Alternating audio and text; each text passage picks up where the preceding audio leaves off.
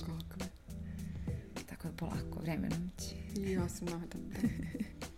Evo mi ćemo da pričamo više. um, ćao Vesna, kako si danas? Ćao Ana, super sam. Uvek mi je drago kada dođem u Beograd.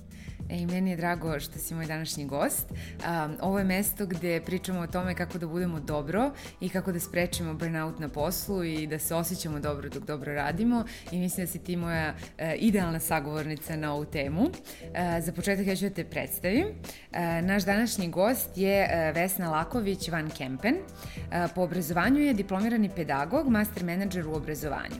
Radi u oblastima mentalnog zdravlja, neformalnog obrazovanja na nacionalnom i internacionalnom regionalnom nivou. Završila je obuku za mindfulness trenera u Sloveniji i različite kur kurseve iz mindfulness oblasti, to je kurseve na temu svesne pažnje, jer mindfulness je svesna pažnja i pričat ćemo više o tome. Inače, godinama drži e, treninge o svesnoj pažnji i vežbe za e, otpuštanje tenzije, stresa i traume, takozvane tre vežbe. Posebno interesantan deo u njenoj biografiji je taj e, što je radila na Tajlandu godinu dana kao savjetnik i mindfulness facilitator faktor u zajednici za oporavak od bolesti zavisnosti, traume i sagorevanja. Tamo je upoznala i svog muža sa kojim danas zajedno radi. E, kaže da je težim putem e, naučila važnost lekcije kako da ne zapostavi sebe dok brine o drugima i njena misija je da osnaži druge ljude da budu iskreniji, saosećajniji e, i hrabriji u odnosu sa sobom i drugima. Eh, pa da počnemo prvo od ovog eh, termina mindfulness, to jest eh, svesne pažnje, da možda nam objasniš šta je to i zašto je važno? Pa mindfulness, ukoliko bismo prosto preveli reč na srpski jezik, ja nekako uvek prevodim ovaj termin kao svesna pažnja, a možda ćete naići u različitoj literaturi na termin puna pažnja, prisutnost, svesnost. Uh, I ja kada pričam o mindfulnessu, ja znam da ja nisam ljudima otkrila toplu vodu. Zato što u vašem životu već postoje neke aktivnosti koje vi radite potpuno svesno, prisutno i fokusirano. Znači, ja, na primjer, kada jedem obrok, ja sam zaista fokusirana na svoje čulo ukuse i kakvog ukusa je ta hrana. Ne gledam u telefon, televizor, već sam zaista u tom iskustvu. I to je, na primjer, jedna najobičnija aktivnost koju vi svaki dan radite, a koju možete to raditi na taj svestan, prisutan način. E sad, nažalost, mi zbog stresa i našeg načina življenja smo zaboravili tu veštinu kako da budemo prisutni ovde i sada. I upravo uz pomoć mindfulnessa, mindfulness vežbi koji su samo meditacije, jer uglavnom ljudi vezuju mindfulness samo za meditaciju, znači postoji neke vrlo jednostavne obične vežbe koje vi možete raditi svakodnevno da ojačate svoju svesnu pažnju, vi u stvari učite kako da budete prisutni ovde i sada bez prosuđivanja. E sad, taj moment bez prosuđivanja je vrlo važan kada pričamo o mindfulnessu, jer mi imamo tendenciju da prosuđujemo iskustvo kao dobro ili loša.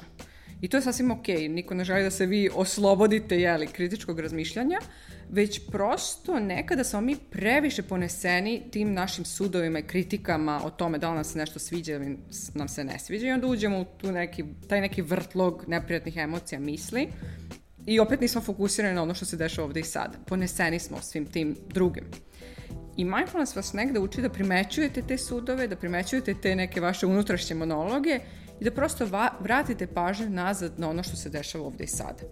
Tako da faktički vi mindfulness možete vežbati u najrazličitim oblastima vašeg života, na poslu, u odnosima s drugima, kad obavljate različite aktivnosti i vremenom ono što u stvari je čar mindfulnessa, ljudi koji uglavnom prođu kroz više nedelje mindfulness treninge kažu da mindfulness u stvari postaje njihov način života način življenja je da smo prisutni ovde i sada. Mm -hmm ove, kada si spomenula ovo za, za hranu, nešto sam čitala ove, ranije da e, kada si zapravo to svestan i kad se fokusiraš na čuluku se dok jedeš i kad onda samim tim jedeš i sporije i onda zapravo manje, manje pojedeš, je jel tako? Jer to kad gledamo TV ili kada smo u nečemu, mi samo trpamo hranu u usta i znamo da onda jedemo, to da, da unesemo i više, više hrane nego što nam treba. A šta su neke još, e, da kažem, negativne e, strane kad, kad ljudi nisu prisutni? Jer danas nama pažnja jako brzo ide, živimo u onom dobu scrollanja, scrollanja mm, mm. i ono, dve, dve, seku, dve sekunde i već prelazimo na sledeći story, reels, post ili, uh, ili bilo šta što gledamo. Mm. Šta su, da kažem, te neke negative? Većina ljudi ne živi, nije u trenutku. Um, šta su posledice? Drago mi je da si pomenula ovo za hranu, zato što se mindfulness baš uh, prakse vežbe koriste kod uh, eh, poremeća ishrane. Aha. Tako da i bukvalno imate više nedelje mindfulness programa koji se koriste u terapijske svrhe baš na tu tematiku poremeća u ishrani. A, pa koje su negativne posledice? Brojne su negativne posledice jer ne odnose se samo na to da mi možda nismo skoncentrisani, da nam je memorija oslabljena, da jurimo i žurimo komu bez, bez glave bukvalno, već to utiče na kvalitet naših odnosa i na to koliko smo mi prisutni i svesni u odnosima s drugima. I moram priznati da meni vrlo često dolaze mladi roditelji na mindfulness trening jer žele da vežbaju kako da budu prisutni u odnosima sa, svojim, sa svojim decom. Jer zbog stresa na poslu, zbog načina života kakav danas većina nas ima, ljudi nažalost zapostavljaju bliske odnose I nažalost, e, ako nismo svesni i prisutni, e, to vrlo često može da nas odvede u burnout, znači u sindrom sagorevanja, može da nas odvede u saosećeni zamor, a vrlo često može da nas odvede i u različite probleme vezane konkretno za naše mentalno zdravlje. Tako da mislim da ako ne vežbamo tu našu svesnu pažnju, tu našu prisutnost vremenom, mm -hmm. to stvarno može da nam napravi dosta izazova i problema u životu. Da, ima ovaj dobar citat koji ja često sam u sebe podsjetim, jer svi tako, ono, znamo kad sednemo na piće sa nekim, ali stigne na mail, ali stigne poruka, ali neko pozove mi odmah gledamo, kao da, da je to zaista ono hitno i pitanje života i smrti. E, I citat je, e, gde god da si, budi tamo. Da. I to onako baš često ovaj, ja samo i sebi vraćam, jer stvarno nam treba podsjetnik da... I ja vidim koliko je lepo kad pričam sa ljudima koji e, imaju svesnu pažnju i koji ono, sklone telefon sa strane i koji ti tih ono sat vremena, sat i po dva koje provedemo su stvarno tu mm. i u tom razgovoru sa mm, mnom. Mm. Da. da, i mislim da to onda daje prosto ljudima uh, imam utisak da na taj način dajemo značaja tom odnosu. -hmm. Znači ja tebe slušam i meni je važno da čujem to što ti imaš da kažeš, a nije da ja samo čekam na red da ja kažem svoje mišljenje i razmišljanje i nebitno mi je šta ti imaš da kažeš, već sam ja već jeli u svojoj glavi unapred pripremam šta ću reći. Mm. Tako da na taj način mislim da mindfulness jača odnose sa ljudima. Mm -hmm. I mislim da isto smanjuje stres, da, jer ti da. si ono kao tu, fokusirana na jednu stvar i, i to je to. Da. A, reci mi, meni je baš zanimljivo bilo kada si spomenula da e, si radila na Tajlandu i možda nam ispričaš više o tom iskustvu. Kako je uopšte došlo da, da odeš tamo i šta si radila i kako izgleda raditi sa e, ljudima koji se bore sa traumama, zavisnošću e, i da kažem nekim malo ozbiljnijim e, problemima? Pa a, moram priznati da je to bilo a, vrlo jedno neobično iskustvo za mene, jedno iskustvo koje definitivno nikad neću zaboraviti. Uh, to je bilo 2018. godine, to je 2017. godine. ja sam nekako shvatila da mi je potrebna neka promena u, u mojoj karijeri, u poslu i videla sam tu poziciju preko jedne prijateljice, sam ja već prethodno bila na Tajlandu, na jednom retreatu i sasvim slučajno sam videla tu poziciju kao ajde prijavit ću se. I stvarno nisam mislila da ću biti primljena i bukvalno sam imala Eh, jedan, dva intervjua i za dve nedelje ja sam saznala, Vesna, vi ste primljeni i idete na Tajland. I svi ljudi bliski meni su pomislili da sam ja totalno poludela i kao šta ćeš, živećeš i radit ćeš u komuni na severu Tajlanda gde nikoga ne poznaješ, ne znam šta te čeka, jel te neko čeka na aerodromu, šta se dešava, niko me nije čekao na aerodromu, eh, nisam imala čak ni toliko mnogo informacija. Ja sam samo otišla uh, i čitavo to okruženje je zaista bilo prelepo. Bukvalno kao jedna egzotična lokacija iz bajke.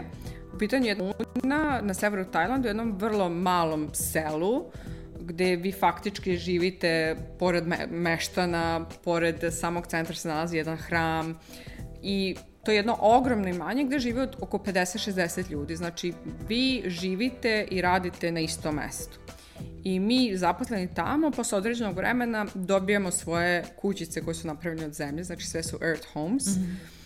Imate bazen u centru, imate jogu tri puta dnevno, meditaciju, vrlo zdrave obroke, gomilu nekih aktivnosti sa strane, bukvalno šetam od svoje kancelarije do posla kao uberem dragon fruit ili pojede mango. Tako da zaista je jedna bajkovita egzotična lokacija Ali ono što je tu bilo veoma izazovno jeste što ste vi faktički 24 časa na poslu.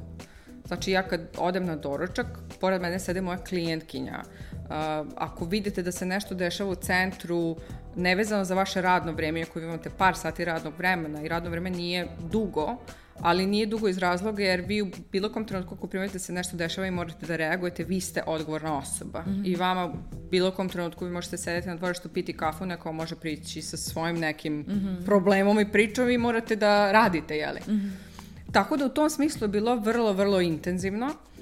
A rad sa uh, populacijom zavisnika, bilo je mnogo ljudi koji su uh, prolazili kroz burnout uh, i vrlo često je burnout bio povezan i sa zavisnošću mm -hmm. i uglavnom su bili uh, vrlo uspešni ljudi uh, koji su došli do neke prekretnice u svom životu, uh, koji su se već uh, odvikli od substanci, a tu su došli na oporavak. Znači, mm -hmm. mi smo primali ljude koji su već, ajde da kažemo, se, se skinuli sa substanci, već mm -hmm. su mhm. bili u rehabu i zatim su dolazili kod nas. Uh, moram priznati da e, moj odnos prema bolestima zavisnosti se potpuno promenio od rada na tom mestu. Znači ja sam dobila jednu skroz drugu perspektivu u odnosu na ljude koji su, koji su zavisnici.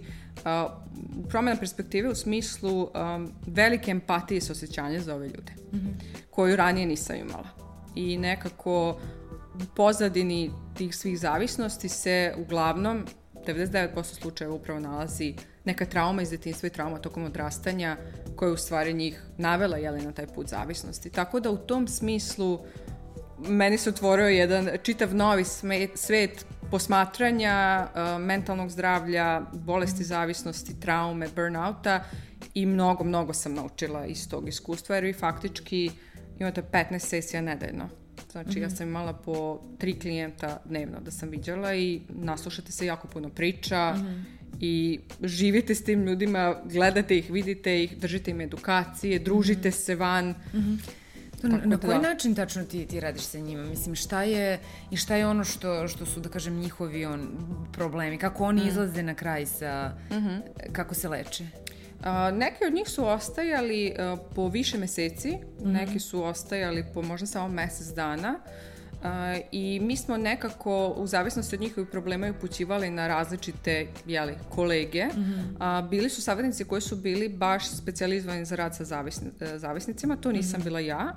Iako ja jesam radila sa njima, ali ukoliko bi oni isključivo želeli da rade na svoje zavisnosti, Mm -hmm. uh, onda bi i radili sa kolegama koji su baš specializovani mm. za to. A, ukoliko bi žele da rade na nečemu drugom, jer moje teme su bile teme više burnouta, mm -hmm. a, mhm. saosećajnog zamora, međuljudskih odnosa, onda bi oni radili sa mnom. Uh, I definitivno mi smo držali edukacije radionice uh, sa njima, tako da smo ih i tu vidjeli. Oni kada tu dođu, oni zaista dobiju jedan celokupan uh, tretman, imaju uh, ove sesije sa nama, znači u pitanju su to bile coaching sesije, uh mhm. -huh. life coaching, sa nama dva puta nedeljno. Imaju process groups, znači grupe podrške, men circle, women circle, mm -hmm. ženske grupe, muške grupe. Ra, takođe, um, ono što je posebno interesantno, oni rade. Znači, mm -hmm. nije sad samo da idu da meditiraju i idu na jeli, mm -hmm. sesije, već su takođe radili i u bašti, čistili su, popravili su. Znači imali su svaki dan po tri sata koje su morali da potroše na konkretan fizički rad. Mm -hmm. Tako da uh, bili su prilično zauzeti, moram priznati. Imali su prilično onako pun jedan Aha. Mm plan i program tog svog oporavka i većina ljudi uh, iz mog iskustva na kraju imali smo, da, ono što isto bilo posebno interesantno, imali smo svako jutro sastanke, uh, gde bismo se svi okupili, delili neka naša iskustva, dešavanja u našoj maloj komuni, tako da veoma im je značila ta podrška i čitav, jeli, taj ta neka atmosfera da su ipak na neki način zaštićeni, da, a da su okruženi s ljudima koji prolaze kroz slične mm -hmm. izazove. Da, to je, to je uvek bitno naći tu peer grupu gde, gde da. je neko u sličnoj situaciji kao nisi ti jedino, nemaš ti jedino taj da, problem, da. nego, da. nego ga imaju svi. Um, rekla si da si radila najviše na, na temi burnouta i tog saosećajnog umora, možda mm -hmm. kažeš mhm. više šta je saosećajni mm -hmm. uh, umor i, i burnout i šta su nekada, kažem, tvoji zaključci is, iskustva, zašto dođe do toga ko je ono more inclined, to jest više e, više verovatno da, da, da uđe u taj sindrom, a ko ne. Mm -hmm. Pa moram priznati da sam uh, stvarno tamo mnogo naučila o burnoutu uh, i da su neke od mojih klijenata čak bili i bukvalno poznate ličnosti. Mm -hmm. Smo naravno mi morali da držimo u tajnosti, ali u njihovim zemljama su oni bili poznate Aha. ličnosti, što nama svima u centru bilo kao Naravno, nama koji nismo bili iz te zemlje, mi to nismo znali, ali drugi neki savjetnici su znali da, tu nekako ono što je meni e, posebno bilo e, zanimljivo i interesantno jeste da su tu uglavnom bili ljudi e, koji su bili na veoma visokim pozicijama, koji su prolazili kroz burnout i koji su u svojim zajednicama, zemljama bili doživljeni kao veoma uspešni, veoma sposobni, lideri, koji pak sa druge strane su potpuno negde zapostavili neke svoje emocije, neki svoj unutrašnji svet, uh, vodili se nekim uh, vrednostima i merilima koje su im možda čak još potekli iz detinstva, nekih nerazjašnjenih da, nekih nerazjašnjenih uh, ranih razvojnih trauma mm -hmm. i uglavnom uh, kada biste počeli da radite sa njima, shvatili biste da je burnout samo jedan mali deo uh, čitave te pozadine priče mm -hmm. koja tu mhm. postoji. Uh, vero, najčešće nekih, uh, ajde da kažemo, teških porodičnih odnosa, neke traume koje se desila, uh, nekih odnosa koji možda kroz njihov život nisu uspeli, mm uh, brakova koji nisu funkcionisali uh, i slično. Znači, zaista negde biste videli da je njihov privatan život totalno propatio, jeli, zbog, zbog tih uh, nekih ambicija koje oni nakon određenog vremena su počeli da ispri, preispituju da li su to stvarno bile njihove ambicije ili je to prosto mm -hmm. bilo neko uverenje s kojim su oni rasli da oni sad to tako moraju da rade i da to sad tako mora da bude i treba mm -hmm. da mhm. bude. Uh, tako da sam se tu stvarno naslušala nekih uh, sjajnih priča gde je juče neko uh, bio CEO određene kompanije, uh, a onda sutradan putuje brodićem na obali mora zato što mu je dosta svega i ne može više nikog da gleda i vidi ili saznajete da je neki vrlo uspešan preduzetnik koji ima internacionalne kompanije svuda po svetu, do, do preključe bio zavisnik od kokaina mm. ili od nekih drugih substanci, ali to niko nije znao primećivo ili on to vrlo vešto krio. Wow. Tako da, stvarno sam se našušala nekih priča koje su bile kao iz filma mm -hmm. i onda kada ih vi slušate vi vidite kao ali ovo je realnost i onda sam se često prispitivala ko zna koliko ja ljudi možda ja lično znam mm -hmm. iz mhm. Srbije nazad kod kuće ko, čiji životi deluju vrlo jednostavno i vrlo uspešno, kao i uspešno a ko zna šta se možda tu u pozadini krije tako da. da u tom smislu sam promenila potpuno odnos prema, prema burnouta, ali ono što, što je meni iznenadilo jeste da vrlo često burnout prati i bolest zavisnosti. Mm -hmm, zanimljivo to ovaj, e, i zanimljivo je to kako um, ljudi, ta percepcija uspeha zapravo se onda promeni kad, kad kreneš da, da više učiš i čuvaš o tome. Zato ja uvek kažem da je jako bitno da mi sami odredimo šta je za nas lično uspeh, a ne šta je taj mm, mm. uspeh koji je društveno nametnut i, i što se onako sa strane, e, da, sa strane da, gleda. Da. A i ove priče koje si, to jest, koje si ispričala dosta me posjeća na, na knjige koje su upisane sa sličnom tematikom pa, pa i filmom stanove, tipa ono da. kao i ljudi koji ono prodaju sve ili koji samo odluče da, da, da odjednom odu, e, tako da zanimljivo. Da, da, izvini, shvatila mm -hmm. sam da e, nisam možda samo razjasnila šta je saosećeni zamor. Da, Što jasno. je možda isto bitno. Mislim da je to, to ću onako ukratko, samo da ljudima naglasim. Znači, e, burnout se više odnosi na tu stres i fizičku iscrpljenost u tom nekom mm -hmm. smislu, ali naravno tu mogu da budu još e, razni propratni simptomi, a saosećeni zamor se više odnosi na e, gubitak sposobnosti empatisanja sa drugim ljudima.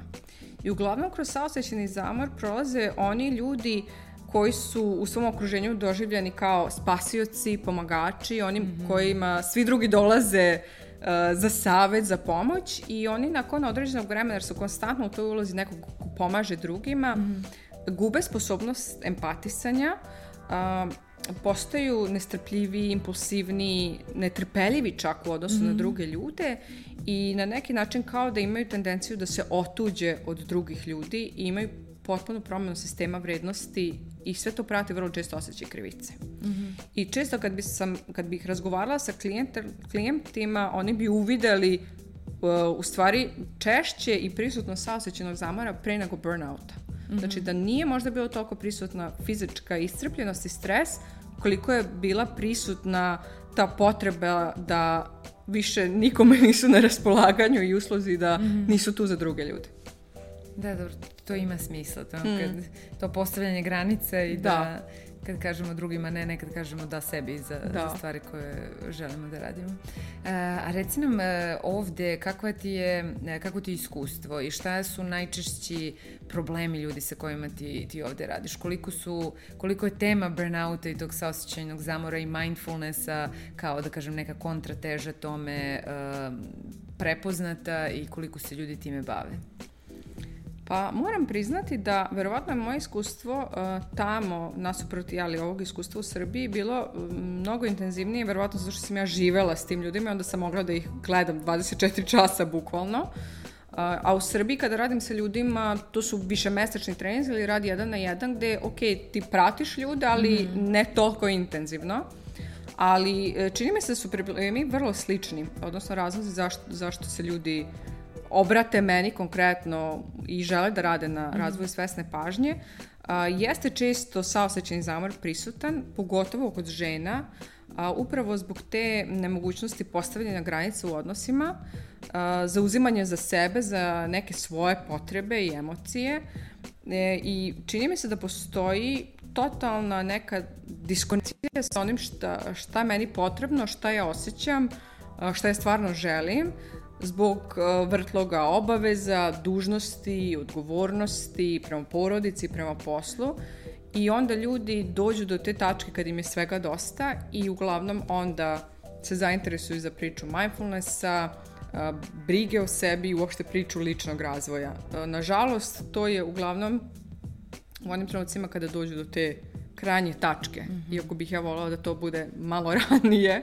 kada mi se obrate za pomoć, ali čini mi se da je to svi čekamo taj neki zadnji moment, mm -hmm. jeli? Mhm. Da, to, je, to radimo inače po autopilotu, kao šta bi ko očekivalo, očekivao od nas, šta mi po društvenom u, uverenju i kulturi nameće mm, da kako mm. treba da se ponašam i onda izgubimo sebe u celom tom. Ne pitamo sebe šta se meni radi i, i šta bi ja radila. Mm. A, a reci mi e, kako radiš sa ljudima, šta su koraci ka, ka rešenju? Pa ono što, što ja radim sada poslednjih par godina, na što sam ako stvarno stavila fokus, uh, jeste program koji se naziva Mindful Self-Compassion, odnosno svesno samososjećanje, koji, slobodno mogu da kažem, negde um, obuhvata sve one komponente koje sam ja sada već godinama praktikovala u radu sa ljudima. Uh, I Mindful Self-Compassion program podrazumeva eh, i mindfulness, znači podrazumeva i taj, taj element mindfulnessa, ali dosta radimo i na uh, vežbanju te iskrenosti i ranjivosti u odnosima a, i učenja kako da dajemo sebi podršku, osnaživanje i empatiju. I ja sam inače tip trenera i tip osobe koji voli, kroz, e, voli da uči ljude iskustveno. Mhm. U smislu da uh, nisam tip predavača koji će trenera kod kog vi dođete, sad ja vama držim jedan monolog od 3 sata, e vidite ovo je mindfulness, ovo je ovo, ovo je ono, nego dajem vrlo praktične zadatke, praktične smernice, iskustvene, rad u maloj grupi, rad u parovima, jer ne možemo da pričamo o ranjivosti i iskrenosti u odnosima i kako da se rastemo i razvijamo kroz odnose i negujemo iskrenije odnose i hrabrije odnose a da radimo jedan na jedan. I zato ja mm negde mhm. stvarno volim rad u grupi. Mm -hmm. Zato što mislim da u grupi ljudi mogu da uče jedni, od drugih. I ono što se posebno pokazalo korisnom, što isto radim poslednje dve, tri godine, jesu tijeri vežbe za otpuštanje tenzije mhm. napetosti mm -hmm. stresa. A, I to su u pitanju potpuno telesne vežbe koje vam pomažu da kroz drhtanje, podrhtavanje vi oslobodite stres i tenziju. I moram priznati mm -hmm. da je mhm. za tipičnu osobu sa Balkana praktično zato što nema priče. u tom smislu ne razgovaramo o, o emocijama, o vašoj životnoj priči, šta se vama dešava, već prosto samo kroz, kroz tremor, kroz trešenje vi otpuštate tenziju, napetost i stres. I vrlo često ljudi koji dođu prvo na, na ove vežbe, uh, sa nekim, ajde, možda čak malim strahom, tremom, kao da li je ovo za mene, da ja želim da uđem u ovo, kao neću i dalje da se otvaram. Ovo je odličan prvi korak da se upuste dalje u neki, ajde da kažemo, dublji rad na sebi. Mm -hmm. Tako da sjajna jedna metoda, ako i dalje niste spremni da odete kod psihoterapeuta, da razgovarate s nekim, a opet želite sebi da pomognete, mislim da je ovo super početni korak. Mhm. Mm Dobro, a reci mi, pošto se bližimo ovaj, e, kraju e, emisije, htela bih da budemo baš da kažem praktični i konkretni.